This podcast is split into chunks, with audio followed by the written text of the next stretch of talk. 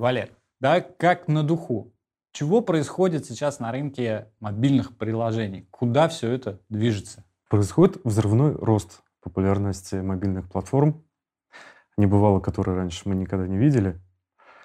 И можно сказать, что этот рост, э, активизация э, населения, которое ранее когда-то вообще даже не слышал ничего об инвестициях. Не имели представления о том, что такое фондовый рынок. Да. Вдруг э, узнали о такой сфере, вдруг поняли, что это очень просто, и решили попробовать собственные силы.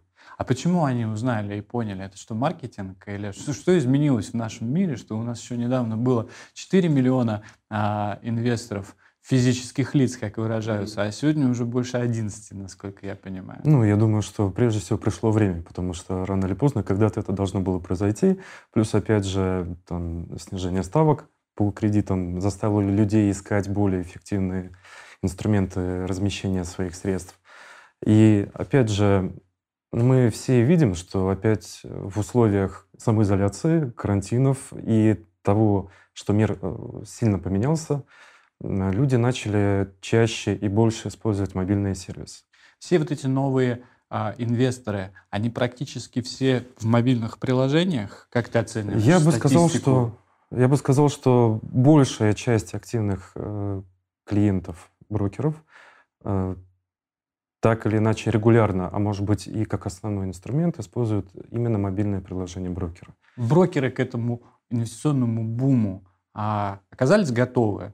Я думаю, что да, потому что на данный момент э, я бы не сказал, что какие-то серьезные изменения у э, брокеров в части их мобильных сервисов произошли. Ну, есть, конечно, перемены, которые мы вот видим, и они направлены именно на скажем так, учет той специфики, которая возникла благодаря вот этим переменам, с которыми мы столкнулись в последние уже, наверное, полтора года. Так, говори проще. Это пришли новые люди, которые да. имеют мало представления об инвестициях, о трейдинге. Это не профессиональные спекулянты. Совершенно И верно. под них надо подстраиваться. Что они хотят? Расскажи. Прежде всего, они хотят простоты. И, как ты верно заметил, э, этих людей очень много. Этих людей стало настолько много, что как будто их специально отлавливали, приводили. Но нет, они пришли сами, и они хотят понятности, они хотят простоты, они хотят предсказуемости всех вот этих процессов и не любят сложность. Поэтому, конечно, для нас подобная история тоже стала своего рода вызовом, так как э, наши мобильные сервисы э, были направлены всегда для э, направлены на профессиональных инвесторов, профессион... именно профессиональных трейдеров, я бы сказал, которые четко понимают, какие возможности им нужны и какие возможности, скажем так, могут быть где-то за пределами приложения. В этом смысле FinamTrade чем традиционно отличался от приложений других брокеров? Я бы сказал, что FinamTrade, в принципе, да и вот в принципе Финам э, заслуженно может быть назван пионером мобильного трейдинга в России. Потому что еще в эпоху, в эру кнопочных телефонов Финам уже предоставлял своим клиентам э, приложение для вот этих чудесных аппаратов. Как это можно было делать на кнопочных телефонах, это было, расскажи. Это было можно делать не только успешно, но еще и услуга была очень востребована среди клиентов.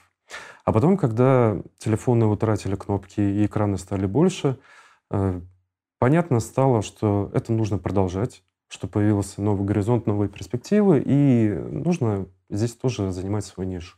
Скажи-ка, пожалуйста, Финам Трейд, получается, в каком году стартанул, если это были еще кнопочные телефоны? Сколько уже насчитывает, по большому счету, история, история проекта? Четко поставить э, веху, разделяющую до и после, наверное, сложно, но я бы сказал, что это 2009 год, когда и в головах появилось понимание, что этим нужно заниматься и развивать дальше. И произошло вот, э, смена вот этих эпох. Ушли кнопочные телефоны, появились телефоны без кнопок, экраны росли, э, поэтому было понятно, что это нужно развивать. Но я бы сказал, что прообраз финамтрейда уже существовал тогда, и в итоге, когда мы приняли решение развивать конкретно мобильные платформы, уже было понимание и был опыт, э, каким оно должно стать. И вот тогда мы поняли, что это приложение должно удовлетворять прежде всего потребностям профессиональных трейдеров. Мы четко знали, что они хотят, какие функции им необходимы и какие пользовательские свои задачи они решают. Ну, перечисли, что, что это, чтобы мы понимали. Вот есть Квик, вот он сложный, есть Финамтрейд, он э, выбирает, на, на мой взгляд, да, какие-то лучшие, лучшие э, черты, да, с одной стороны простоты, с другой стороны функциональности. Ну, я бы не сказал, что то или иное приложение, оно какое-то сложное, да. Каждое из них решает свою определенную задачу. Но наша задача была в том, чтобы прежде всего пользователю, наверное, клиенту уже, да, э, дать полное понимание и представление, что происходит с его портфелем на данный момент. То есть это всегда увидеть состояние, где бы ты ни находился, в любой момент времени, не будучи привязанным к какому-то определенному рабочему месту. Потом, прежде всего, выставить все необходимые типы заявок, которые востребованы клиентами, не только рыночные либо лимитированные приказы, но и более какие-то сложные. Ну и, конечно же, какая-то тогда существовала минимальная потребность в информационном наполнении новости тогда. Конечно, с тех пор шагнули дальше. И сейчас уже все сильно поменялось. Вот у этих новых инвесторов э, требования отличаются от э, профессиональных трейдеров. Что в связи с этим вы переделали или планируете переделать? FinamTrade всегда в основном ориентировался на исполнение сервисной функции. То есть это конкретное приложение, сервис, инструмент нашего клиента, который позволяет ему управлять э, своим счетом отслеживать его состояние и отдавать поручения на совершение сделок. При этом вся функциональность э, остальная, не связанная с торговлей, а связанная непосредственно с клиентским обслуживанием и как-то дальше, она была вынесена в наши другие сервисы в, в экосистему Финама. И вот здесь как раз-то мы и наблюдаем тот недостаток функциональности, которую мы видим, что на данный момент стало уже стандартом ну, де-факто в данной сфере. Если посмотреть э, приложения конкурентов, э, а также прочие аналоги, то мы видим, что в принципе они все построены по примерно одной и той же модели. Очень серьезно развит э, неторговый функционал, который позволяет легко и быстро стать клиентом, посмотреть э, отчеты, посмотреть аналитику, прогнозы, э, посмотреть информацию по бумаге. Но если копнуть дальше, то мы увидим, что сами торговые функции, вот то, что нужно людям, э, обладающим знаниями о рынке, об процессе инвестирования, работы именно с ценными бумагами, оно как-то вот э, заметно проседает по своим возможностям и функциональным каким-то, не знаю, качествам. То есть это ставка на, но все равно, на информационно-маркетинговую такую ну, да? Все борются за клиента, конечно. Стало понятно, что проникновение ведь фондового рынка и трейдинга в, в России было крайне низким все эти годы. Это сейчас мы наблюдаем взрывной рост интереса к этому виду деятельности.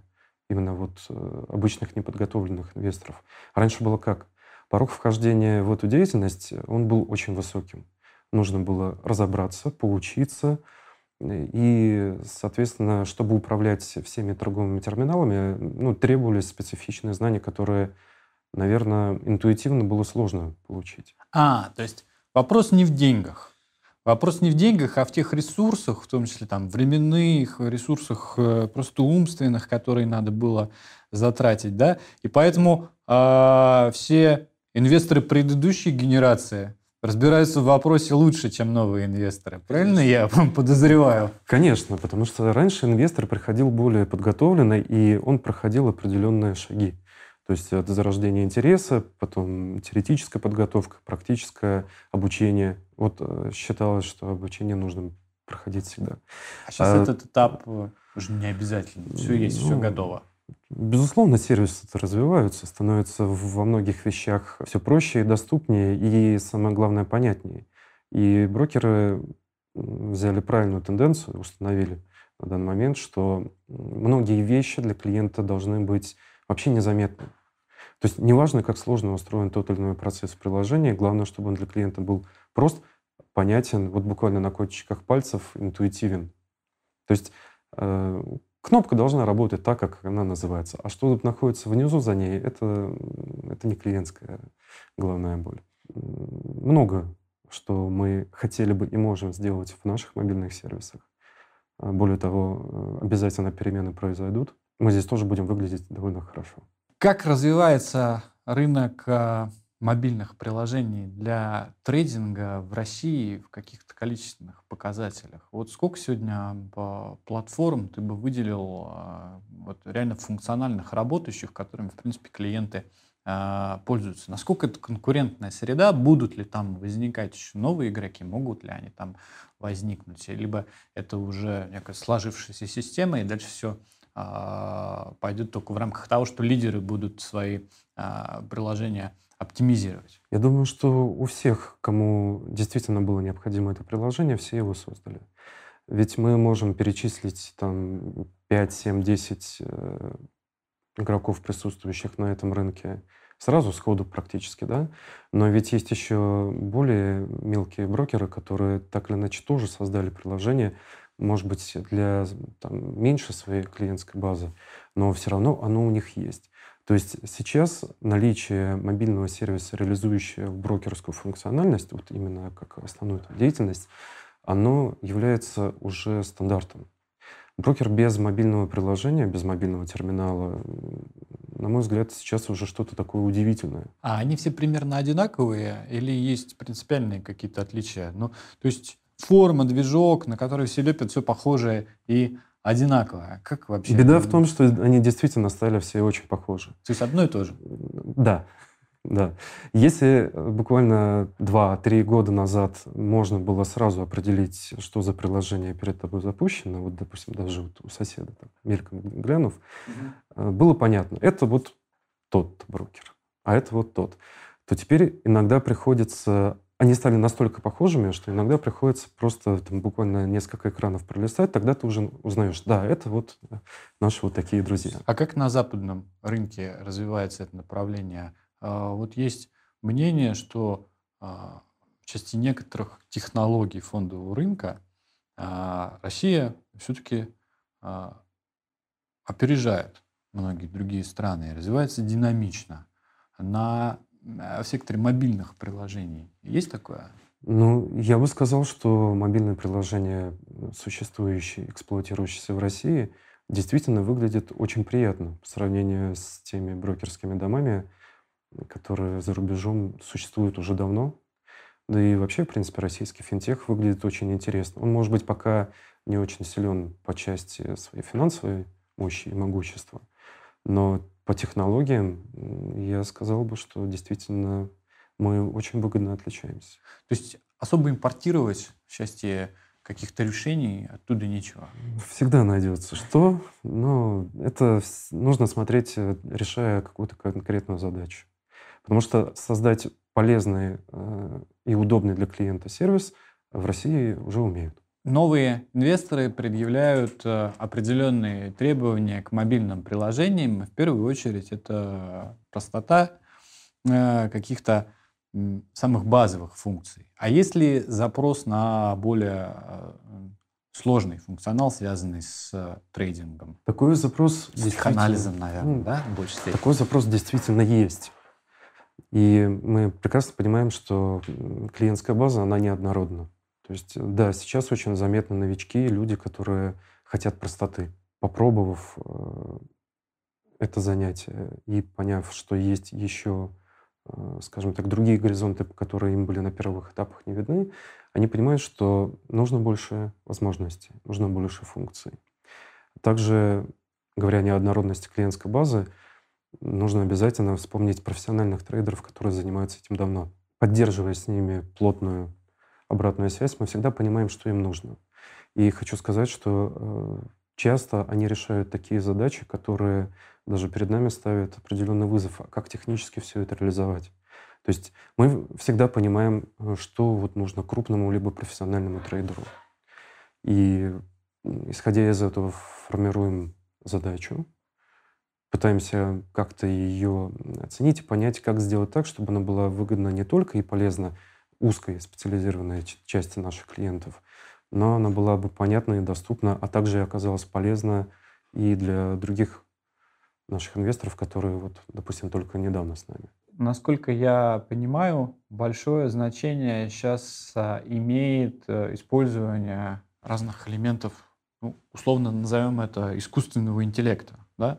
Машинное обучение, огромные массивы данных, которые анализируют э, этот искусственный интеллект и э, помогает э, инвесторам да, в более а, успешном да, совершении сделок. Ну, скажем так, адвайзинг какой-то, если в целом это как-то назвать. А в мобильных приложениях как это реализуется? Я понимаю, что, наверное, это тоже а, в значительной степени связано с, там, со всей экосистемой брокера. Тем не менее, как это для пользователя выглядит, что это вы делаете в этом направлении, как это будет работать? Я бы, наверное, здесь выделил бы два направления. Прежде всего, это э, система рекомендаций каких-то, которые так или иначе отслеживая и понимая, э, чем интересуется клиент, то есть как-то вот вникая, вот кто он есть, да, э, помогает ему вот подобрать определенные инструменты, которые действительно были бы ему удобны ну, удобно и потенциально доходно. Это именно вот как раз рекомендательная система. И второй момент, нам обязательно нужно всегда пользователю и клиенту давать понимание, а что же происходит с его счетом. И вот здесь э, как раз-то в компании э, создается очень хороший сервис, который позволит, э, отслеживая торговлю, клиента понимать, как он торгует, насколько эффективно, где он торопится с входом в рынок, где он выходит слишком рано либо слишком поздно. И на основе этого могут для трейдера уже возникать какие-то, я не знаю, может быть, э, там, выводы рекомендательного характера, либо он сам скорректирует свою торговлю. То есть это будет реализовано в финам-трейде в какое-то обозримое будущее в ближайшее время? Да, разработка ведется. И вообще, на самом деле, очень много сейчас у нас в заделе в работе находится. И... Подожди, давай, давай сначала вот об этой штуке интересная, про которую ты э, рассказал. Я так понимаю, что это имеет отношение к вот общей экосистеме диагностики, которая у нас работает, да, и она mm, будет да. реализована в мобильном приложении. То есть как это будет выглядеть? Я буду какие-то, как пользователь, э, алерты э, получать. Максим, Снова открылся не там. Поздравляю, как обычно. Как именно это будет реализовано, я пока, наверное, не буду рассказывать, потому что мы сейчас э, разрабатываем этот механизм, очень полезный. И как же в итоге, в каком он воплощении окажется в приложениях и как будет работать, какие задачи будет решать, э, здесь, конечно, будет уже зависеть от того, что мы, какую то есть пользовательскую задачу будем при этом решать с помощью этого сервиса. Ну, сроки какие-нибудь обозначь, чтобы нам ждать с нетерпением. Я надеюсь, что в этом году. В этом году было бы здорово. Что еще, какие планы на 2021 год? По внедрению, конечно, новых полезных функций, которые нам всем помогут а, более успешно совершать сделки. Э, наши новые инвестиционные продукты, которые мы сейчас запустили уже во всех приложениях FinamTrade, на всех платформах, и этот раздел, он совсем молодой, но он обязательно будет развиваться. Там уже сейчас очень неплохой инструментарий и выбор различных решений, которые для клиента может оказаться очень полезен. Ну, это, скажем так, для людей, которые предпочитают более пассивный стиль инвестирования. Поэтому там обязательно скоро появятся и новые типы инструментов. А что собой это представляет? То есть там какие-то готовые продукты, которые можно сразу купить с учетом вашего профиля или интереса к определенному сектору? Как это работает? По большому счету, сейчас это представляет определенную витрину, где можно найти продукты различных типов, вот, знакомиться с ними, настроить под себя и приобрести их э, вот как вот готовое решение. Но то есть это не просто биржевой фонд или ETF, да, а что-то более сложное? Нет, это более сложно. Это действительно настраивается под параметры пользователя.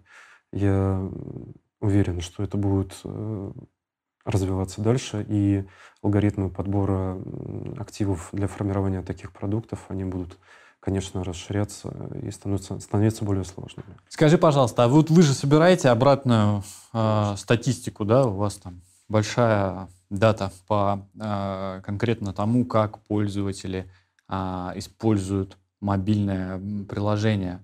А, по прошлому году, по этому году, какие интересные тенденции можно отметить, что менялось? Вот взрывной рост, вот э, пандемия, вынужденная изоляция, локдауны. Что интересного отмечалось в поведении пользователей внутри мобильного приложения. Ну, помимо того, что, конечно, наверняка вы росли высокими темпами. Кстати, насколько... Мы росли очень высокими темпами. Наша клиентская, э, я бы, не клиентская, а пользовательская аудитория выросла в два с половиной раза. Я уверен, что это очень неплохой результат для приложения, которое действительно было ориентировано именно на трейдеров. И благодаря пользователям, которые к нам пришли, мы э, окончательно утвердились в понимании, что нам нужно вот эти вот, я бы, ну, ладно, не будем там стесняться, назовем слабые места, нужно закрывать. Помимо трейдерской функциональности, нам нужно делать э, функциональность такую около клиентскую.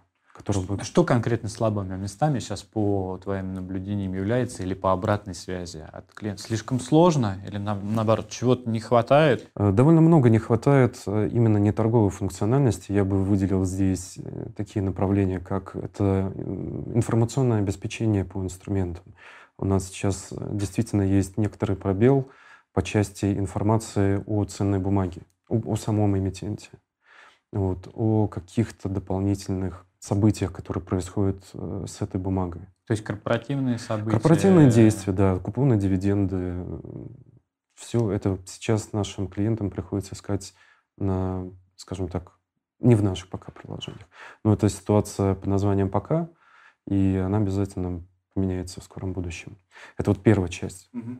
Вот. Далее мы все уже теперь четко понимаем, что мобильное приложение — это не только сервисный инструмент для реализации именно вот брокерской функциональности. Это прежде всего уже и канал э, обслуживания клиентов дистанционный. То есть, да, предпосылки к этому были еще там, несколько лет назад, но теперь абсолютно понятно, что от этого никуда не деться. Подожди, я не совсем понимаю. Что ты имеешь в виду? Что а, я торгую, вот как я себе представляю эту картину. Что-то пошло не так. И я хочу, чтобы тут же мне в чатике ответили. Все нормально, не волнуйтесь. Все в порядке. Да, безусловно, в том числе по этой причине у нас наконец-то появился чат э, с оператором поддержки, где можно задать вопрос, не дозваниваться а в удобное время, когда тебе удобно задать вопросы, в удобное время прочитать, что же тебе ответил оператор. А помимо клиентских вопросов про рынок спрашивают? Спрашивают э, в том числе, а что же купить? Ну, естественно, для этого у нас э, есть э, отдельное решение для клиентов. Опять же, для этого появляются и инвестиционные продукты, которые, если ты сам не можешь принять решение, а какую бумагу в какой момент на какой объем купить, то ты, скорее всего, воспользуешься уже готовым решением.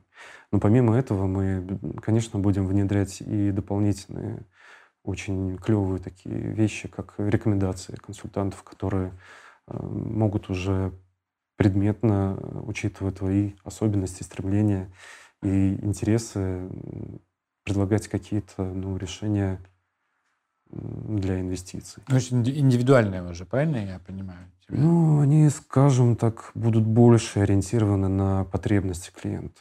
То есть это будет не такой, наверное, массовый сервис, а больше уже адресное какое-то решение. Запрос на аналитику есть? Есть. Расскажи об этом. Людям нужны прогнозы аналитиков, нужен, людям нужны рекомендации. То есть вы это нужны... четко видите по обратной связи? Да. Да, безусловно, людям нужны инвест-идеи. Обязательно людям нужно э, какое-то отправное мнение, от которого они бы могли бы уже отталкиваться, принимая свои решения. Вот. Поэтому в этом направлении мы тоже усилим позиции э, по части сервисов в приложениях. Я, может, хотел бы еще упомянуть, что есть необходимость развивать специфичные торговые функции дальше. Нужно позволять людям реализовывать свои э, трейдерские сценарии. Э, речь идет не о полной автоматизации торговли, хотя это тоже интересно, но речь идет о том, что, вот, допустим, нужно выставить сразу пачку заявок в рынок кинуть. Делать это в приложении, выставляя последовательно одну за другой заявку, это неудобно. Нужны для этого тоже механизмы и средства. Э, нужно иметь возможность, к примеру, развернуться быстро. Поправь меня, правильно я понимаю, что это вот элемент автоматизации, как я могу роботов э, к, ви- к- к Вику да, при, присоединить своего, и Немножко что-то, не что-то подобное, а как? Не так. тогда? Это, я бы сказал, что инструмент, который позволяет э, сделать тебе множество рутинных операций полуавтоматизированным образом. Пачкой ты сразу все действия выполняешь. А тебе практически требуется мало чего. И здесь, э, желая пойти по пути развития трейдерской функциональности, именно вот торговой части, мы, конечно же, будем э, соблюдать э, баланс между двумя вещами. Первое — делать ее по возможности проще. Второе э, — давать больше возможностей э, именно трейдерам, которые в этом нуждаются. Например, мы сейчас э, заканчиваем внедрение э, такой замечательной функции, как торговля с графиком. Визуальная торговля, торговля с графиком, как угодно можно называть. Но для трейдера это выглядит так, что прямо глядя на график, ориентируясь на какие-то ключевые точки на графике, ты можешь э, руками, там, пальцем, либо курс- курсором мыши, перемещая свою заявку, допустим, ну, переместить ее в новое место. При этом визуально контролируя уровень ее размещения относительно каких-то вот своих уровней, которые Прям рукой? себя- Прям рукой. Либо Класс. рукой, либо мышкой и так далее. Ну, Действительно, очень часто возникает необходимость э, сделать многие операции быстро. Много времени теряется и уходит на то, чтобы сначала этот уровень рассчитать, определить, запомнить цифру, а когда это нужно делать все быстро и волнуешься. А здесь, если уровень размещения текущий для заявки уже не актуален, ее просто перетащил, подтвердил изменения, все. Это будет касаться и новых э, заявок, и контроля существующих. Ну, посмотрим. Когда будет реализовано? Наполовину уже реализовано. В веб-версии Finamtrade это уже присутствует. А в мобильных приложениях, ну, я бы сказал, полпути уже пройдено. Вопрос у меня к тебе следующий. А Представь себе, пожалуйста, мобильное приложение для инвестиций будущего через 10 лет. Опиши его коротко. Что это будет такое? Это будет уже вот так вот в, в- в глаз у нас встроено, и можно будет передвигать стопы не только руками, но и движением зрачка. Ну, я шучу, конечно, но серьезно, как ты думаешь, какие будут самые главные а, функции, как это все изменится через 10 лет? Давай немного про футуризм. Про футуризм. Я очень надеюсь, что я не увижу историю, когда в приложении будет одна большая кнопка «Купить». Это будет ужасно. В таком приложении не будет души. Ну, а если серьезно, то мне кажется, что все должно стать еще проще. Ну, то есть, подожди-ка, нет. С одной стороны проще, а с другой стороны функциональнее. То есть, все должно стать индивидуальнее. Может быть так? Наверное, да. Всегда будут люди, которые будут хотеть простоты, и им достаточно будет тех возможностей, которые не будут заставлять их э, напрягаться и думать. Таким клиентам в, в наш новый раздел инвестиции. Индивидуально подобранный под риск-профиль э, продукт или продукт, который вы можете настроить под себя самостоятельно. Хорошо, а другая сторона? Другая сторона — это действительно очень широкие возможности для трейдера, который хочет э, целиком и полностью держать контроль над самим процессом. То есть он хочет сам управлять своим счетом, сам реализовывать свои трейдерские стратегии, и ему нужен инструмент для решения э, задач в моменте. Надежный, мощный, гибкий инструмент, э, который дает полный контроль над э, его портфелем в любой рыночной ситуации. Визуал и как бы возможность управлять прям на, на графике. Помнишь э, фильм «Особое мнение» э, с Томом Крузом, где вот он стоял перед большой до- доской и моделировал буд- будущее и рассматривал прошлое. Нечто подобное. Ну, я думаю, что 10 лет не хватит. Надо чуть побольше, чтобы трейдинг дошел до такого уровня. Но кто его знает? Э, Есть же виртуальная реальность. Может быть, когда-нибудь кто-нибудь и создаст приложение для Трейдинг в виртуальной э, реальности. где можно будет э, брать из портфеля кусок денег, бросать их в график, и там сразу это будет в скорее этом будет, месте это скорее будет элемент шоу. Развлекательная часть приложения. Я уверен, что даже запрос э, и, и на это тоже будет от клиентов. Потому что, наверное, геймификация — это хорошо в этом вопросе тоже. И очень серьезное выражение лица при торговле тоже хорошо. Разные категории клиентов есть. Ну, посмотрим. А в принципе, Технологии развиваются вот, семимильными шагами. Геймификация же ну, практически и сейчас на это делается акцент э, у многих э, приложений. Да? Некий аналог вовлекающей игры, когда тебя степ-бай-степ, шаг за шагом э, ведут каким-то это решениями. Все те или иные разновидности анбординга, которые сейчас действительно развиваются. То есть клиентов много их нужно обязательно вот э, как-то акклиматизировать, что ли, в новом сервисе для них. Дать понимание о том, какие возможности там есть. Мы, конечно, в этом направлении тоже будем и проводим уже определенные шаги. Но я надеюсь, что все не скатится в то, что вот, а давай мы тебе медальку дадим за то, что ты нужное количество сделок наторгуешь. Хотя кто его знает. Спасибо большое, Валерий. Спасибо, Максим.